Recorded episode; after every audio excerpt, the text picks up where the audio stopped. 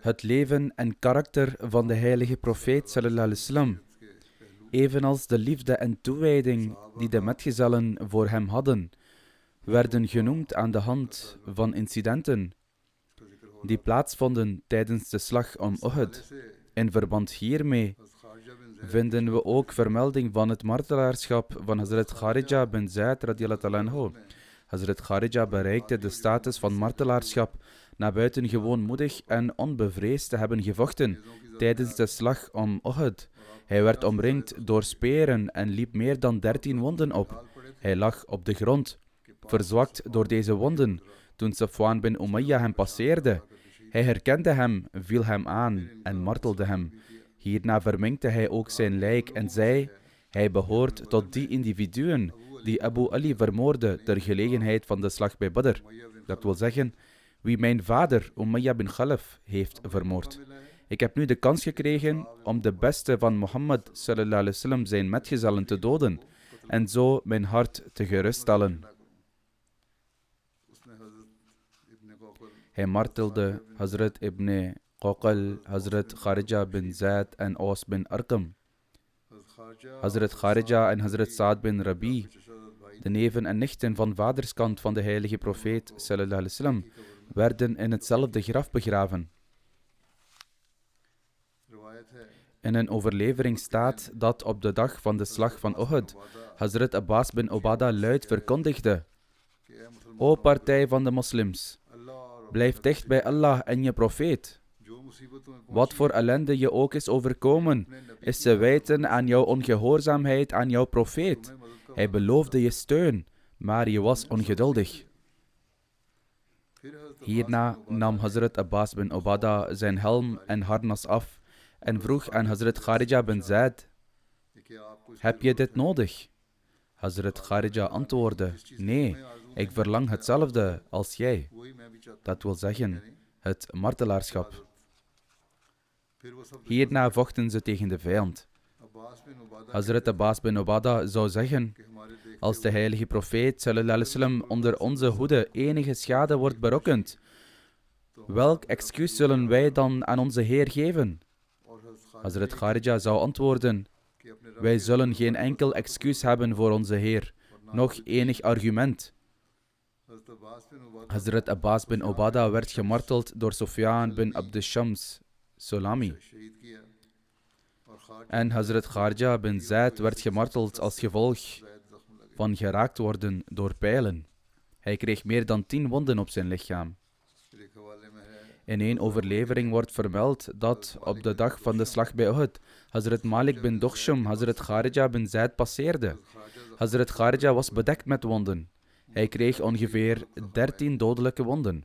Hazrat Malik zei tegen hem: Bent u zich er niet van bewust dat de heilige profeet sallam, de marteldood is gestorven? Dit is na de tweede aanval van de ongelovigen. Hazrat Kharija antwoordde, als de heilige profeet de marteldood is gestorven, dan leeft Allah en zal niet sterven. Dit was de standaard van hun geloof. De heilige profeet sallam, heeft de boodschap aan ons overgebracht. Je moet ook vechten terwille van je religie. De vijand vecht momenteel tegen jou, dus jij moet ook tegen hem vechten. Het is onze verantwoordelijkheid om ons leven op te offeren, omwille van Allah de Almachtige. Vervolgens vinden we vermelding van het martelaarschap van Hazrat Shamaas bin Uthman. Hazrat Shamaas bin Uthman nam deel aan de veldslagen van Badr en Uhud.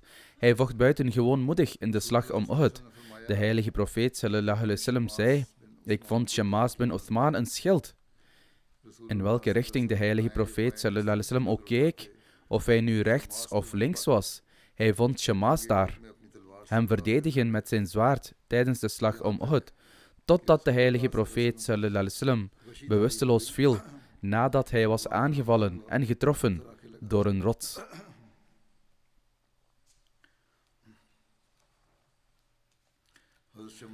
Hazrat Shamas stond als een schild voor hem totdat hij ernstig gewond raakte.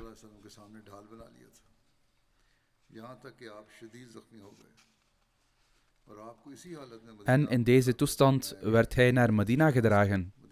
Dat wil zeggen, Hazrat Shamaas werd teruggebracht naar Medina. Er waren nog tekenen van leven in hem. Toen hij naar Hazrat Aisha werd gebracht, vroeg Hazrat Umme Salama zal mijn neef van vaderskant ergens anders dan bij mijn huis worden meegenomen? Hierop antwoordde de heilige profeet sallallahu alaihi breng hem naar Hazrat Umm Salama. Daarom werd hij daarheen gebracht en daar overleed hij, zodra hij daar was aangekomen, omdat hij verwondingen had opgelopen tijdens de slag om Uhud. Vervolgens op de instructie van de heilige profeet sallallahu werd Hazrat Shamaas naar Uhud gebracht en in dezelfde kleding begraven. Hij overleed twee dagen na aankomst in Medina, maar hij werd begraven in Uhud. Toen hij na gewond te zijn naar Medina werd gedragen, bleef hij een dag en een nacht in leven. En er wordt gezegd dat hij gedurende die tijd niets at of dronk. Hij was uiterst zwak en was feitelijk bewusteloos. Hazrat Shammas overleed op 34-jarige leeftijd en was een jonge man. Een incident over Hazrat Shammas bin Othman is bewaard gebleven in de geschiedenis, wat zijn voorbeeld van liefde voor de heilige profeet sallam, demonstreert en het hoogste niveau van opoffering ter wille van de islam. Waar we melding vinden van het verhaal van Hazrat Talha's liefde en toewijding aan de heilige profeet sallam, toen zijn hand werd getroffen door een pijl, terwijl hij het voor zijn gezegende gelaat plaatste.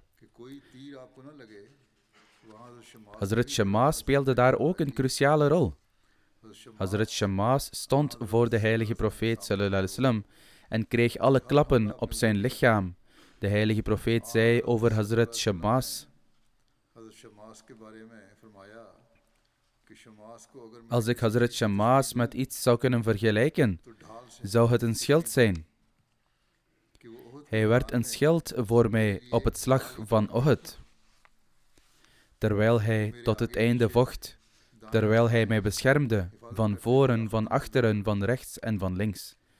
De heilige profeet sallallahu verklaarde, in welke richting ik ook keek, ik zag Shama's extreem heldhaftig vechten.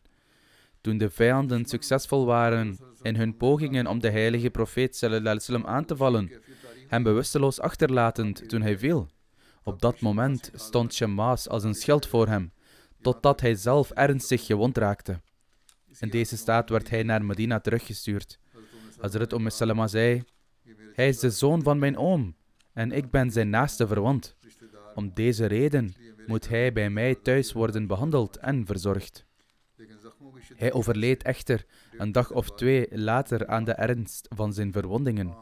De heilige profeet sallam, verklaarde: Shamaas moet net als de andere martelaren in zijn kleding begraven worden. Verder werd het martelaarschap van Hazrat Noman bin Malik anhu, ook opgenomen. Hazrat Noman bin Malik nam deel aan zowel de slag om Badr als Uhud en werd tijdens de slag om Uhud gemarteld door Safwan bin Umayya. Volgens een andere overlevering werd Hazrat Noman bin Malik gemarteld door Aban Said. Na de slag bij Uhud werd Hazrat Noman bin Malik begraven naast Hazrat Mujazzar bin Ziyad en Hazrat Obada bin Hassas in één graf.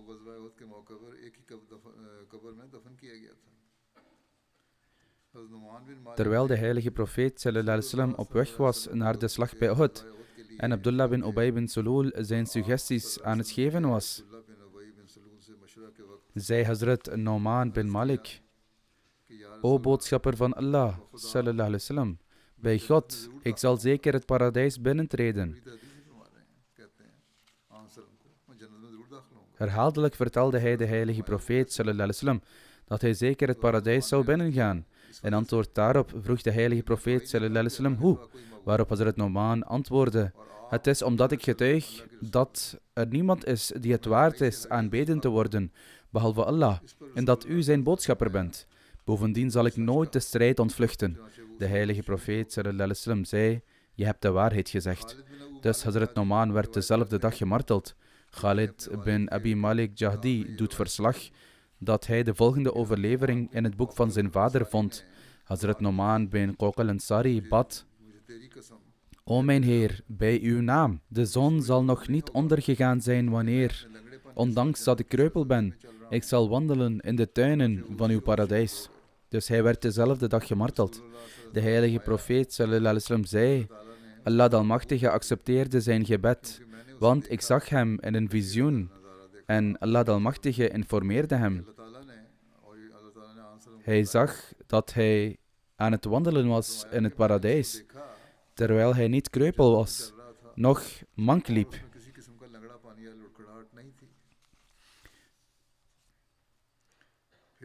Verder wordt er melding gemaakt van Hazrat Thabit bin Dada die een cruciale rol speelde tijdens de slag van Ohud.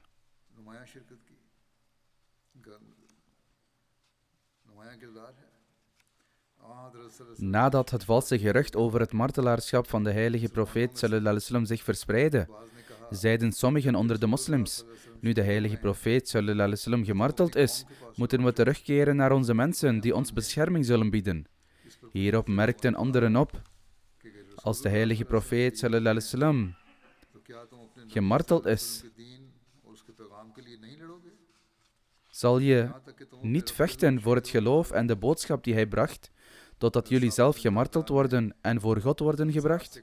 Hazrat tabit bin Dahda sprak de Ansar toe en zei, O mensen van de Ansar, zelfs als de heilige profeet gemarteld is, Allah de Almachtige leeft en wordt niet getroffen door de dood.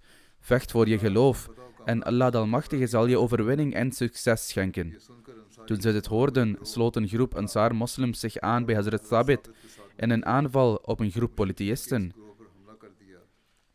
waaronder Khalid bin Walid, Ikrimah bin Abi Jahl, Amr bin As en Dirar bin Khattab. Terwijl ze deze aanval van een kleine groep moslims volhouden, nam Khalid bin Walid hevig wraak en martelde Thabit bin Dahda en zijn Ansar metgezellen. In een andere overlevering zei Abdullah bin Omar Khatmi. Op de dag van de slag bij Uhud kwam Thabit bin Dada naar het front, terwijl de moslims zich in ontzetting hadden verspreid. Hij riep met luide stem uit: O mensen van de Ansar, kom naar mij toe, Thabit bin Dada. Zelfs als de heilige profeet waarlijk gemarteld is, Allah leeft en zal nooit sterven. Vecht namens je geloof. En Allah zal je laten zegevieren en je helpen. Zo verzamelde zich een groep Ansar om hem heen. En hij was ook een van de Ansar. En zij hergroepeerden de moslims en lanceerden een aanval op de ongelovigen. Als tegenreactie stuurden de ongelovigen een fel bataljon onder leiding van Khalid bin Walid Amr bin As, Ikrama bin Abi Jahal en Derar bin Khattab. Ze verzamelden zich en lanceerden een collectieve aanval. Khalid bin Walid doorboorde Thabit met een speer. Thabit werd gemarteld en viel samen met zijn andere Ansar-metgezellen op de grond. Om deze reden wordt er gezegd dat dit de laatste moslims waren die op die dag de marteldood stierven. In een andere overlevering staat er vermeld dat Khalid naar voren kwam en Thabit met een speer sloeg, hem verwondde en op de grond bracht. De mensen pakten hem op en begonnen zijn verwonding te behandelen. Op dat moment stopte zijn bloeding en herstelde hij. Echter, na de slag om Hodabia gingen zijn wonden weer open en hij stierf als gevolg daarvan.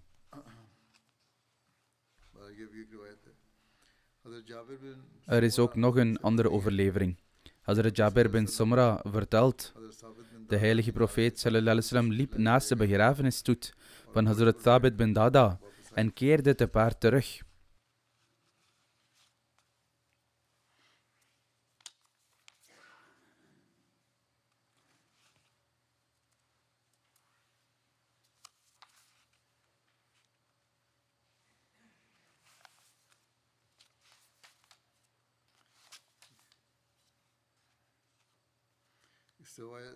Uit deze vertelling lijkt het erop dat de eerdere overleveringen over het heropenen van zijn wonden tijdens de slag om Hodabia onbetrouwbaar is en dat hij bij deze gelegenheid, namelijk van de slag bij Ohud, overleed. Er zijn ook overleveringen over vier martelaren die tot dezelfde familie behoren, Thabit bin Waqsh en Rifa bin Waqsh. Beiden waren broers en werden gemarteld tijdens de slag om Uhud. En naast hen werden de twee zonen van Thabit bin Wachsh, Salama bin Thabit en Amr bin Thabit, ook gemarteld. Van Amr bin Thabit wordt ook gezegd dat hij Osserm wordt genoemd. Al deze individuen behoorden tot de Ansar-stam van Banu Abdul Ashal. Rifa'a bin Wachsh was een oudere man. Hij en zijn broer Thabit vochten beiden zij aan zij tijdens Uhud.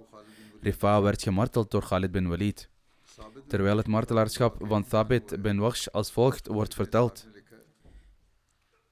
Ibn Ishaq schrijft, toen de heilige profeet vertrok voor de slag bij Uhud, twee oudere mannen, namelijk Thabit bin Wash en Husail bin Jabir, die ook bekend stond als Yaman en de vader was van Hudafa bin Yaman, kwamen tevoorschijn uit het fort, waar moslimvrouwen en kinderen hun toevlucht hadden gezocht.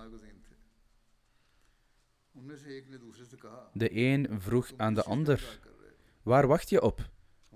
Misschien leven we niet veel langer. Als we vandaag niet sterven, zullen we zeker morgen sterven. Zullen we niet onze zwaarden opnemen en ons bij de heilige profeet sallam voegen? Misschien zal Allah de Almachtige ons de eer van het martelaarschap schenken. Daarna namen ze allebei hun zwaarden op, vielen de ongelovigen aan en sloten zich aan bij de strijd. Ammar bin Thabit was ook bekend onder de naam Osarim. Osarim,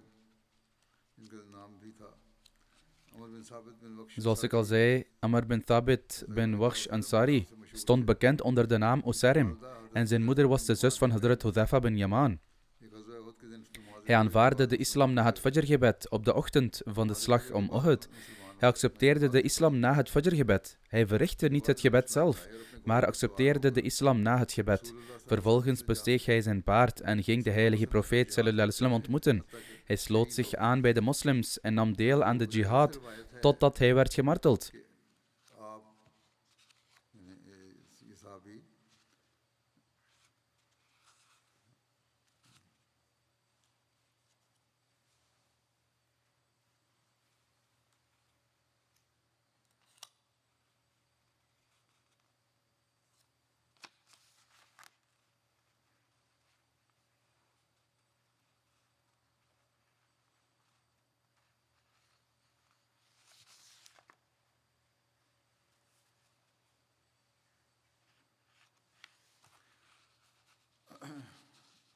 Hazrat Abu Huraira vertelt dat de heilige profeet wasallam de metgezellen vroeg om hem te vertellen over een persoon die nog geen gebeden had verricht en nog steeds op weg was naar de hemel. De mensen wisten niet over hem en dus vroegen ze de heilige profeet wasallam wie het was. De heilige profeet wasallam zei dat het Osarm bin Osarm was, wat Amr bin Thabit betekent. In een andere overlevering wordt vermeld dat Osarim de islam afkeerde in het bijzijn van zijn volk. Ten tijde van de slag om Uhud, toen de heilige profeet sallam, al was vertrokken, drong de waarheid van de islam tot Osarim door en hij accepteerde het. Toen pakte hij zijn zwaard en ging naar zijn volk, kwam in de gelederen en begon te vechten. De wonden die hij opliep maakten hem arbeidsongeschikt. Gedurende deze periode waren de mensen van Banu Abdel Ashal op zoek naar de lichamen van hun martelaren, toen ze hem plotseling tegenkwamen. Verbaasd zeiden ze: Dit is Osarim, maar wie heeft hem hierheen gebracht? We hadden hem achtergelaten omdat hij de islam afwees. Toen vroegen ze hem: O Osarim, hoe ben je hier gekomen? Was het vanwege uw eer voor uw volk? Of omdat je geneigd bent tot de islam? Hij zei: Het was omdat ik geneigd raakte tot de islam. Met andere woorden, hij accepteerde de islam als de waarheid, wat de reden was dat hij daar was. Ik geloof in Allah en zijn boodschapper, sallallahu wasallam, en ben dus moslim geworden. En met mijn zwaard vocht ik aan de zijde van de heilige profeet, sallallahu wasallam, totdat ik mijn huidige staat heb bereikt waarin je mij ziet. Vervolgens stierf hij in hun armen. Dit werd aan de heilige profeet, sallallahu wasallam, verteld, waarop hij zei, hij is op weg naar de hemel. Ik pauzeerde eerder omdat de begroetingen van mogen Allah tevreden met hem zijn, zijn geschreven waar wordt vermeld dat hij zei dat hij naar de hemel ging, terwijl het vrede en zegeningen van Allah zij met hem had moeten zijn. Er was reden tot verwarring dat het misschien een metgezel was die dit zei, maar hoe dan ook, dit verduidelijkt dat de heilige profeet sallallahu zei dat hij op weg was naar de hemel. De voorgaande overlevering lijkt ook te kloppen, in die zin dat hij de persoon was die aan de hemel gebonden was, zonder ook maar één gebed te hebben verricht. Uiteindelijk kwam hij en bereikte de rang van martelaarschap. De vierde martelaar uit deze familie was Hazrat Salma bin Thabit. De volledige naam van Hazrat Salma bin Thabit was Salma bin Thabit bin Wahsh. Hazrat Salma nam ook deel aan de slag bij Badr. Abu Sufyan werd gemarteld door Hazrat Salma bin Thabit tijdens de slag om Uhud. De vader van Hazrat Salma, Hazrat Thabit bin Wahsh, zijn oom van vaderskant Hazrat Rifa bin Wahsh en zijn broer Hazrat Amr bin Thabit werden ook gemarteld in de slag om Uhud. Veel leden van deze familie namen deel aan de slag om Uhud. Mogarik was een Joodse man uit de Banu Nadir-stam.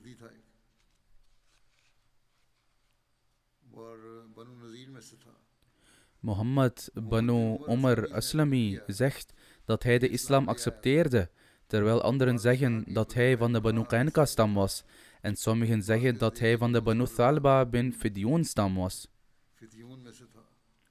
Hij was een van de grote Joodse geleerden. Hij herkende de heilige profeet Sallallahu door zijn tekenen en ook op basis van zijn eigen kennis. Maar ondanks dit overwon de liefde die hij had voor zijn eigen geloof en dus accepteerde hij de islam niet. Hij zei op een zaterdag: O Joodse mensen, bij Allah besef je dat het voor jou bindend is om Mohammed te helpen. Het moslimleger was op vrijdag vertrokken en hij zei dit op zaterdag. Mensen zeiden: Vandaag is het de dag van de sabbat. We kunnen vandaag niet vechten. Hij zei: We kunnen vandaag niet vechten. Hij zei: Er is geen sabbat voor jullie. Toen zei hij tegen de mensen van zijn land, van zijn natie: Als ik vandaag word vermoord, zal mijn rijkdom aan Mohammed worden gegeven en hij kan het uitgeven zoals hij wil. Vervolgens pakte hij zijn wapens en marcheerde naar voren. Toen de strijd plaatsvond, werd hij gemarteld terwijl hij vocht. En de heilige profeet wasallam zei, Mocharik was de beste onder de Joden. Volgens een andere overlevering zei de heilige profeet wasallam, Mocharik is de beste van de Joden, Salman is de beste van de Perzen en Bilal is de beste van de Abyssijnen. Een historicus schrijft over Muharrik. Eén mening is dat hij tegen de ongelovigen vocht namens de islam en zijn leven offerde. En de gezegende tong van de heilige profeet sallallahu sprak lovende woorden voor hem. Op basis hiervan hebben veel historici Muharrik als een moslim beschouwd, inclusief Ibn Hisham, Suheli, Ibn Hajar, Ibn Kathir, Baladari, Qazi Ayaz, imam Nawawi en anderen.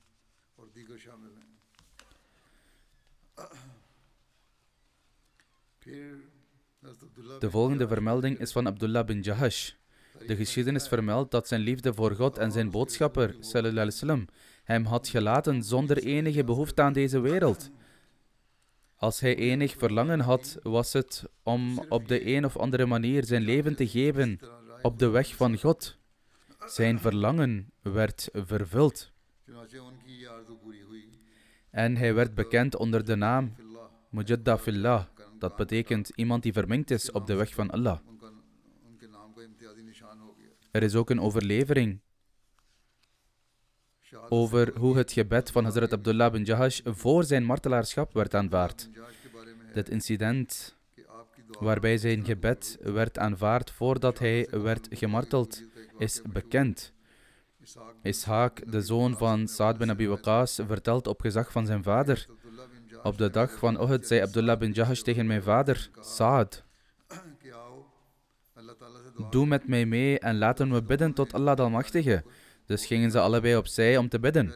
Eerst bad Hazrat Saad en zei, O Allah, als ik morgen tegenover de vijand sta, laat mijn tegenstander iemand zijn die over grote moed en vaardigheid beschikt en onder degenen voor wie mensen bang zijn. Mag ik tegen zo iemand vechten, hem in de strijd verslaan ter wille van u en zijn wapens voor mijzelf nemen? Toen hij dit hoorde, zei Abdullah bin Jahash, Amin. Hierna smeekte Abdullah bin Jahash het volgende. Het vorige gebed werd gedaan door de eerste van de twee. Abdullah's gebed was als volgt. O Allah, mag ik morgen in de strijd een echt bekwame tegenstander tegenkomen, bezeten van een imposante aanwezigheid. Mogen we tegen elkaar strijden en mogen Hij mij overwinnen in de strijd. Mij doden en mijn neus en oren verminken. Als ik voor u sta, o Allah, mag u mij vragen voor wiens zaak mijn neus en twee oren werden afgesneden zodat ik kan reageren en zeggen: O Allah, het was voor uw zaak en voor de zaak van uw boodschapper. En als antwoord zal je zeggen: O Abdullah, inderdaad, je hebt de waarheid gesproken. Abdullah wenste dat Allah deze woorden zou zeggen. Hazrat Saad legt uit: Abdullah's gebed was groter dan het mijne, want op de laatste dag van de slag bij Uhud zag ik dat zijn neus en beide oren aan een draad hingen. Wat betekent dat ze inderdaad waren afgesneden en aan elkaar vastgebonden.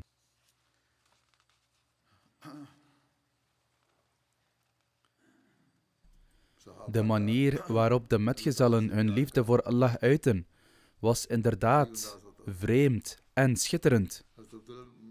Hazrat Mutlib bin Abdullah bin Hantab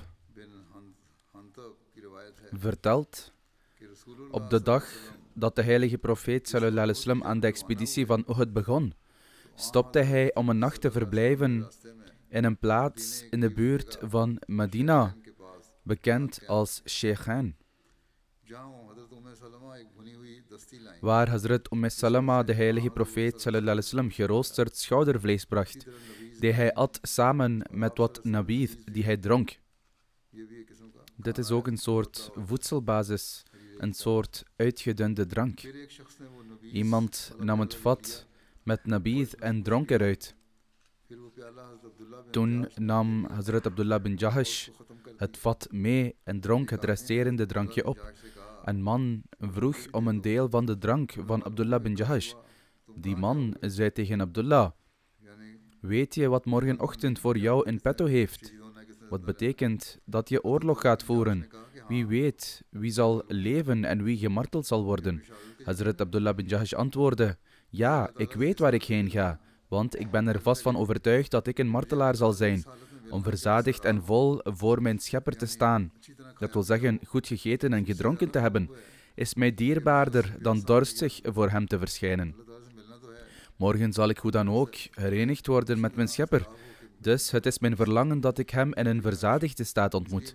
En daarom drink ik zo. Dit is de vreemde en prachtige manier waarin de metgezellen hun liefde voor Allah demonstreerden en de merkwaardige voorbereidingen die ze troffen om hem te ontmoeten. Hazrat Abdullah bin Jahash en Hazrat Hamza, de zoon van Abdul Mutlib, werden allebei in hetzelfde graf begraven. Hazrat Hamza was de oom van Abdullah bin Jahash en was ten tijde van zijn martelaarschap iets ouder dan 40 jaar. De heilige profeet wasallam voerde persoonlijk zijn testament uit en kocht goederen voor zijn zoon ter gelegenheid van Ghaber.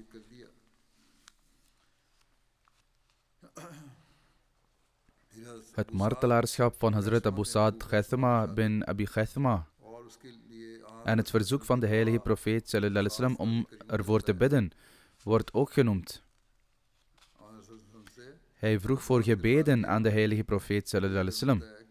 Dit verzoek om gebeden is overgeleverd door Mohammed bin Omar, dat Ghathama, de boodschapper van Allah, sallam, verzocht op de dag van de slag bij Uhud. O boodschapper van Allah, sallam, ik kon niet deelnemen aan de slag bij Badr, maar bij God, ik wilde zo graag meedoen aan deze strijd, in die mate dat toen we aan het loten waren om te zien wie er mocht gaan, werd de naam van mijn zoon Saad getrokken en hij werd gezegend met de status van martelaarschap in Badr. Laatst zag hij er in een droom heel knap uit. Hij liep rond in de tuinen en stromen van het paradijs en nodigde mij uit om met hem mee te gaan. Hij vertelde me dat hij en ik samen in het paradijs zouden zijn. Ik heb altijd ontdekt dat de beloften van mijn Heer waar zijn. En bij God, ik verlang er diep naar om de metgezel van mijn zoon in het paradijs te zijn. Dit betekent dat ik hem daar wil ontmoeten. Daarom zei hij, o boodschapper van Allah, sallallahu alaihi wasallam, bid alstublieft voor mij dat mij het martelaarschap mag worden verleend en het gezelschap met hem in het paradijs. De heilige profeet sallallahu alaihi wasallam bad voor hem en hij werd gemarteld in de slag bij Uhud. Er wordt melding gemaakt van het martelaarschap van Hazrat Abdullah bin Amr. Het is als zodanig vastgelegd in een overlevering dat toen Hazrat Abdullah bin Amr van plan was te vertrekken naar de slag bij Uhud, hij zijn zoon Hazrat Jabir riep en zei: O mijn zoon, ik zie nu dat ik een van de eersten zal zijn die gemarteld zullen worden. En ik zweer bij Allah, ik laat niemand achter die mij dierbaar is, behalve de heilige profeet sallallahu en dan jij. Wat betekent dat dit de twee mensen zijn van wie ik hou in deze wereld. Eerst en vooral de heilige profeet sallallahu en daarna mijn zoon. Ik heb wat schulden. Vervul die schulden namens mij. En ik draag je op om je zussen goed te behandelen.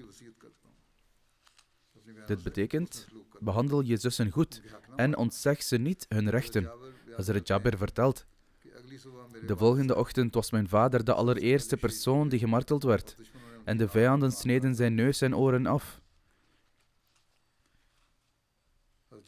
Hazrat Jabir bin Abdullah vertelt dat toen de heilige profeet wasallam kwam om de martelaren van de slag bij Uhud te begraven, hij vervolgens zei, wikkel ze samen met de wonden die ze hebben opgelopen. Want ik ben er getuige van. En er is geen moslim die gewond raakt op de weg van Allah en die niet aanwezig zal zijn op de dag des oordeels. Hun bloed zal stromen, hun kleur zal safraan zijn en hun geur zal muskus zijn. Wat betekent dat dit de geliefden zijn van God, die voor Allah de Almachtige zullen worden gepresenteerd. Het is niet nodig om de ghusl uit te voeren, namelijk de wassing te verrichten, of ze met witte doeken te omwikkelen, want hun kleren zijn hun begrafenisdoeken. Hazrat Jabir vertelt, mijn vader werd begraven met één witte doek en de heilige profeet wasallam verklaarde, wie van hen heeft meer van de heilige Koran uit zijn hoofd geleerd? Toen de martelaren werden begraven, zei de heilige profeet wasallam, wie kent meer van de heilige Koran? Toen naar een martelaar werd verwezen dat hij de heilige Koran beter kent, dan zou de heilige profeet wasallam zeggen, laat hem eerst in het graf zakken voor zijn metgezellen. Dit was omdat hij de heilige Koran kende. De heilige profeet wasallam zou hem dus eerst begraven.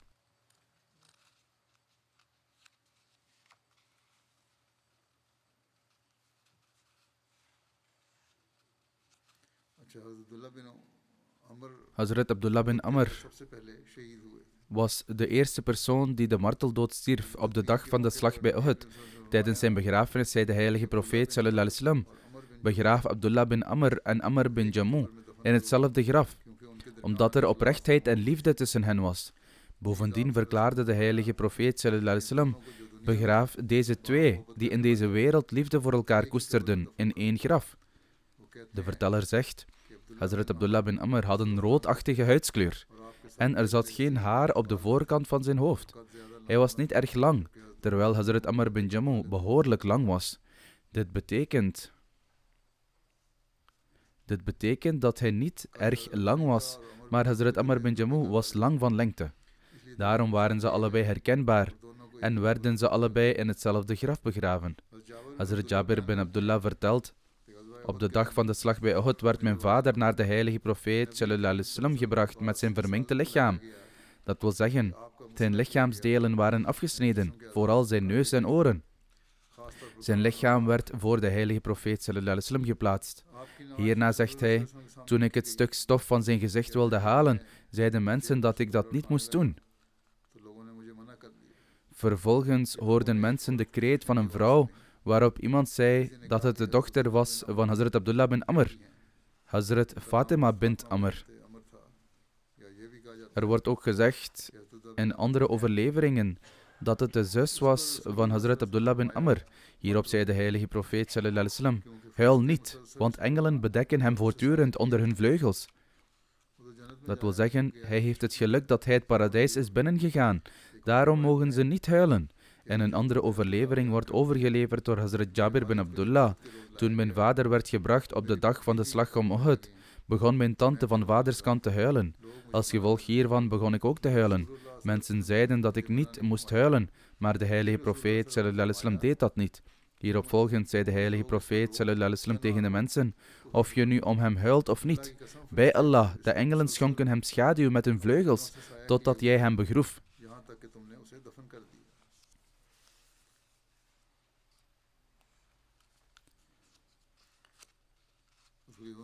In het commentaar op een vers van Surat al-Baqarah zei Hazrat Khalifat al-Masih II radiallahu ta'ala anhu. Allah de Almachtige heeft gezegd dat men moet de moslims die gemarteld zijn niet als dood beschouwen. Zij zijn de levende soldaten van de Almachtige God en hij zal zeker wraak nemen. Hazrat Muslim Maud zegt verder, als we hierover nadenken, zien we dat telkens wanneer een metgezel werd gemarteld, ter vergelijking vijf afgodendienaars werden gedood. En in elke strijd werden veel meer afgodendienaars, namelijk mushrikien, gedood, vergeleken met moslims, met uitzondering van de slag bij Uhud, waarbij veel moslims werden gedood. Allah de Almachtige nam echter vergelding in andere veldslagen.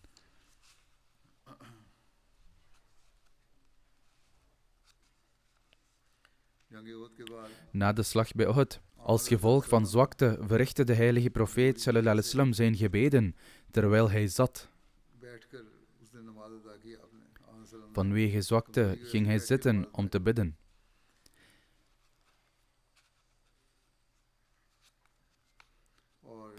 En het gebed dat hij verrichtte was het zorggebed. In navolging daarvan baden de metgezellen ook zittend. Aangezien de heilige profeet wasallam de gebeden leidde terwijl hij zat, gingen de metgezellen ook zitten om de gebeden te verrichten en niemand stond op. In reactie hierop schrijft een auteur: Misschien werd dit gebed verricht nadat de vijand was vertrokken. Wat de metgezellen betreft, die zaten om hun gebeden te verrichten. Ze deden dit om de eenheid te verzekeren tussen de vorm van de gebeden van de imam en de gemeente. Later werd dit bevel ingetrokken. Dat wil zeggen, de gemeente kan opstaan om gebeden te verrichten in zo'n geval. Het is ook opgenomen en is een mening van de auteur dat de mensen die zittend gebeden verrichten misschien ook gewond waren. En aangezien de meerderheid van de metgezellen gewond raakte en ging zitten voor het gebed, om deze reden was de formulering dat de moslims zaten en verrichten het gebed. Dat wil zeggen, er waren enkele mensen die staande gebeden verrichten, maar het waren allemaal mensen die ongedeerd waren. Het waren er maar weinig, omdat de meerderheid van de mensen gewond raakte. Als we de meerderheid in het oog houden, er kan mogelijk geschreven zijn dat de hele gemeente ging zitten om te bidden. Dit is een overlevering van Siratul Halabiyah. Met betrekking tot het aantal moslims dat tijdens de slag om Uhud de marteldood stierf. De meeste geleerden stellen dat het totale aantal gemartelde mensen 70 bedroeg. Onder hen waren er vier van de Muhajirin. Hazrat Hamza, Hazrat Musab, Hazrat Abdullah bin Jahash en Hazrat Shamas bin Othman. Volgens een andere overlevering was het totale aantal martelaren tijdens de slag om Uhud 80 en 74 van hen behoorden tot de Ansar en 6 behoorden tot de Muhajirin. Alama ibn Hajar al-Asqalani stelt dat als 6 Muhajirin gemarteld waren, dan was misschien de vijfde, Saad, wie de dienaar was van Hatim bin Abi Balta. En de zesde persoon was Thaqib bin Amr, wie de bondgenoot was van Banu Abd Shams. Volgens het boek Uyun al-Asr was het totale aantal van degenen die gemarteld werden 96 en onder de afgodendienaars werden er 23 gedood. Volgens een andere overlevering werden 22 afgodendienaars gedood. Een andere overlevering vermeldt dat tijdens de strijd Hazrat Hamza in totaal 31 afgodendienaars doodde. Deze overlevering lijkt echter niet correct te zijn, omdat het totale aantal gedode afgodendienaars 23 was. Een andere historicus heeft geschreven dat er verschillende meningen zijn over het aantal metgezellen die tijdens de slag bij Uhud door de ongelovigen werden gemarteld.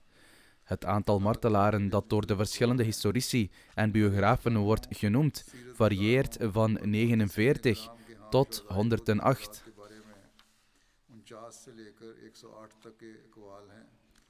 Maar de meesten hebben verklaard dat het aantal metgezellen dat op de dag van Ohud de marteldood stierf 70 is.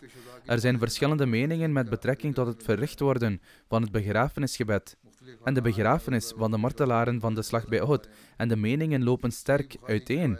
In een overlevering van Sahih al-Bukhari vertelt Hazrat Jabir bin Abdullah dat de heilige profeet sallallahu alaihi wasallam twee martelaren uit de slag bij Uhud in één doek zou wikkelen. En dan zou vragen wie van de twee een groter deel van de heilige Koran kende. Nadat naar een van hen was gewezen, zou de heilige profeet wasallam hem als eerste in het graf laten zakken.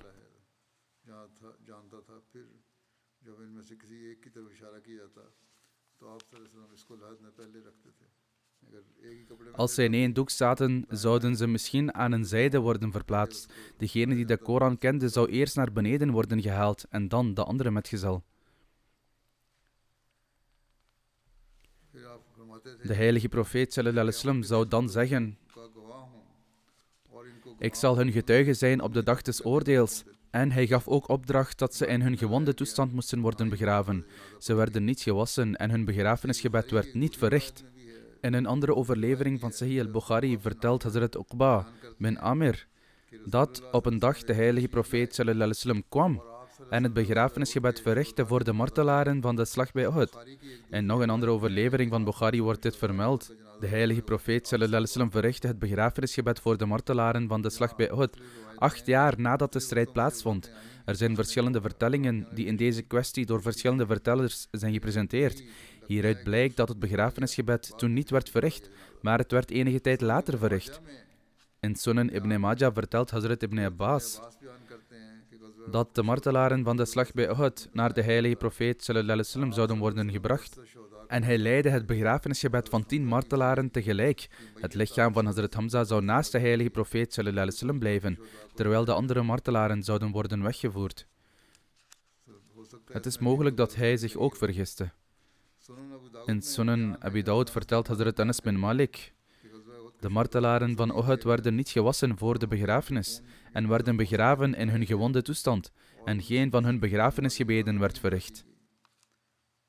Er is nog een andere overlevering van Sunan Abi Dawud waarin Hazrat Anas verhaalt dat de heilige profeet sallam, het begrafenisgebed van geen enkele martelaar van Uhud heeft verricht, behalve Hazrat Hamza. In een overlevering van Sunan at-Tirmidhi vertelt Hazrat Anas bin Malik dat de heilige profeet sallallahu het begrafenisgebed niet verrichtte van welke martelaar dan ook uit de slag bij Uhud. De meerderheid is van mening dat de begrafenisgebeden niet zijn verricht. Het is opgenomen in Sirat ibn Hisham en Sirat al-Halabiyya dat de methode waarmee de heilige profeet het begrafenisgebed verrichtte van de martelaren van de slag bij Uhud was om allereerst het begrafenisgebed van Hazrat Hamza te verrichten. Hij reciteerde zeven keer de takbirat, namelijk de verkondiging van de grootheid van God. Volgens Sirat al-Halabiyya reciteerde hij vier takbirat. Daarna werd elke martelaar één voor één naar voren gebracht en naast het lichaam van Hazrat Hamza geplaatst. Dan zou de heilige profeet wasallam het begrafenisgebed van hen beiden verrichten. Op deze manier werd het begrafenisgebed van elke martelaar uitgevoerd. En die van Hazrat Hamza werd 72 keer verricht. En volgens anderen was het 92 keer. In ieder geval zijn al deze vertellingen opgenomen, maar sommige lijken zwak te zijn.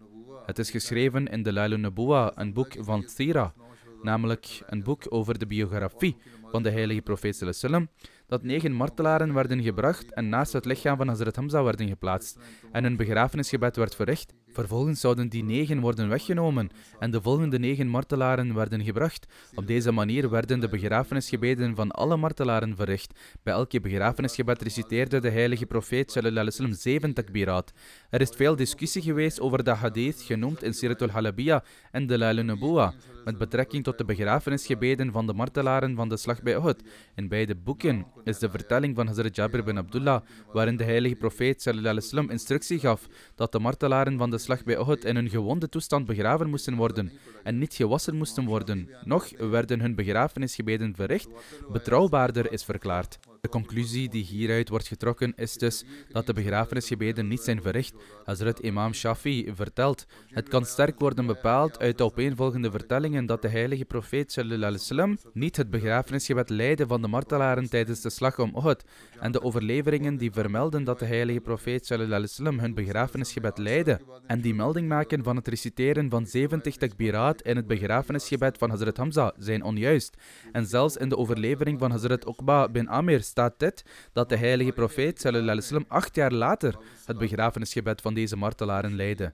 In een overlevering wordt vermeld dat dit acht jaar later plaatsvond en vond destijds niet plaats. Imam Bukhari heeft een hoofdstuk in zijn boek toegewezen met de naam Bab Salah al-Shahid, dat wil zeggen het hoofdstuk over het begrafenisgebed van een martelaar.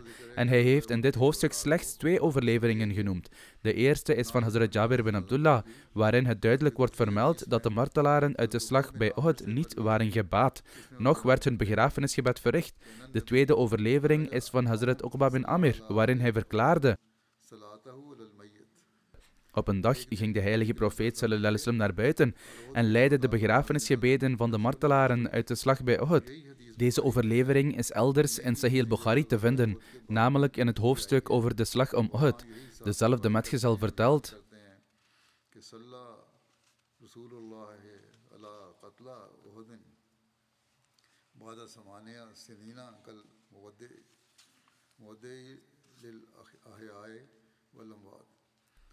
de heilige profeet wasallam verrichtte de begrafenisgebeden van de martelaren van de slag bij Uhud acht jaar later op de manier waarop de levenden of de doden afscheid nemen. Zo stelt ook Alama ibn Hajar al-Asqalani dat wat imam Shafi hiermee bedoelt is dat nadat een langere periode is verstreken sinds iemand overlijden, men het begrafenisgebed niet kan verrichten bij het graf van die overledene. Volgens imam Shafi, toen de heilige profeet wasallam hoorde dat zijn heengaan nabij was, ging hij naar hun graven en bad voor hen en vroeg om vergeving voor hen toen hij afscheid nam van hen. Het standpunt van de gemeenschap hierover is hetzelfde, zoals geschreven door Hazrat Mirza Bashir Ahmed Sahib. Het blijkt duidelijk uit de verschillende overleveringen dat het begrafenisgebed destijds niet werd verricht. Hazrat Mirza Bashir Ahmed Sahib anhu heeft ook geschreven Hoewel er destijds geen begrafenisgebed werd verricht, daarna, vlak bij het tijdperk van zijn overlijden, verrichtte de heilige profeet sallallahu speciaal een begrafenisgebed voor de martelaren van Uhud en bad gepassioneerd voor hen.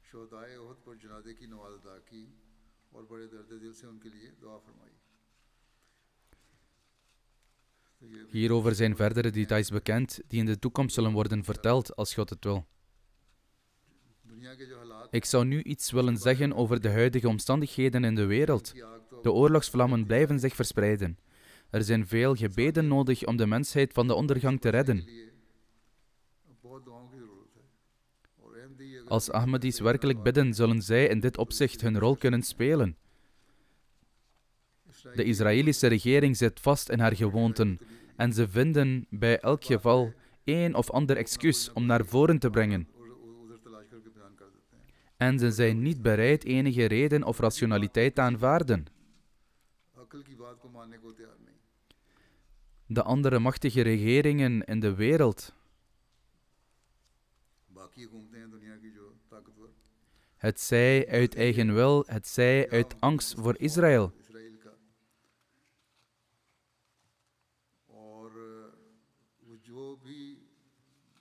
Zijn het eens met wat de premier van Israël of zijn regering ook zegt.